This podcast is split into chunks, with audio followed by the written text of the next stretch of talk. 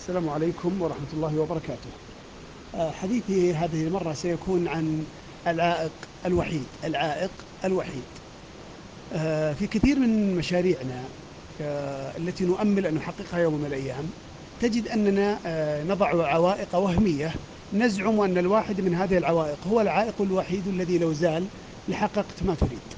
فتجد الواحد يقول أنا بس أنتهي من الدراسة الجامعية وحينها سترون ما أصنع سأفعل المشروع الفلاني سأبدأ في العمل الفلاني سأنجز المهمة الفلانية لكنني الآن في الجامعة.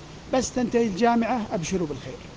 آه، يتخرج من الجامعة يقول لك والله بس أتوظف. لما أستقر بس وظيفيا ما عندي مشكلة. لما يتوظف يقول لك أتزوج. لما يتزوج يقول لك والله بس لما تيجي فترة الإجازة.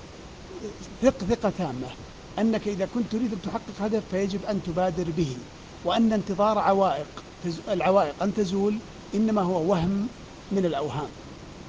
وكثيرون الذين سيجدون أمامهم يعني أعذارا متتالية وعوائق بعد عوائق. كلما زال عائق تحججوا بالآخر. أما العازمون على تحقيق أهدافهم الذين فعلا مستعدين لتخطي العوائق وتذليل العقبات فإنهم لا ينتظرون شيئا. خذها قاعدة. من يوم تشوف الشخص يقول لك أول ما أخلص بإذن الله بعد كذا شهر بعد كذا سنة الأمر الفلاني سأبدأ اعرف أن هذا مجرد عائق وحيد. سيمضي الفترة المذكورة واسأله بعدها ستجد أن ثمة عائق آخر خرج له على الطريق.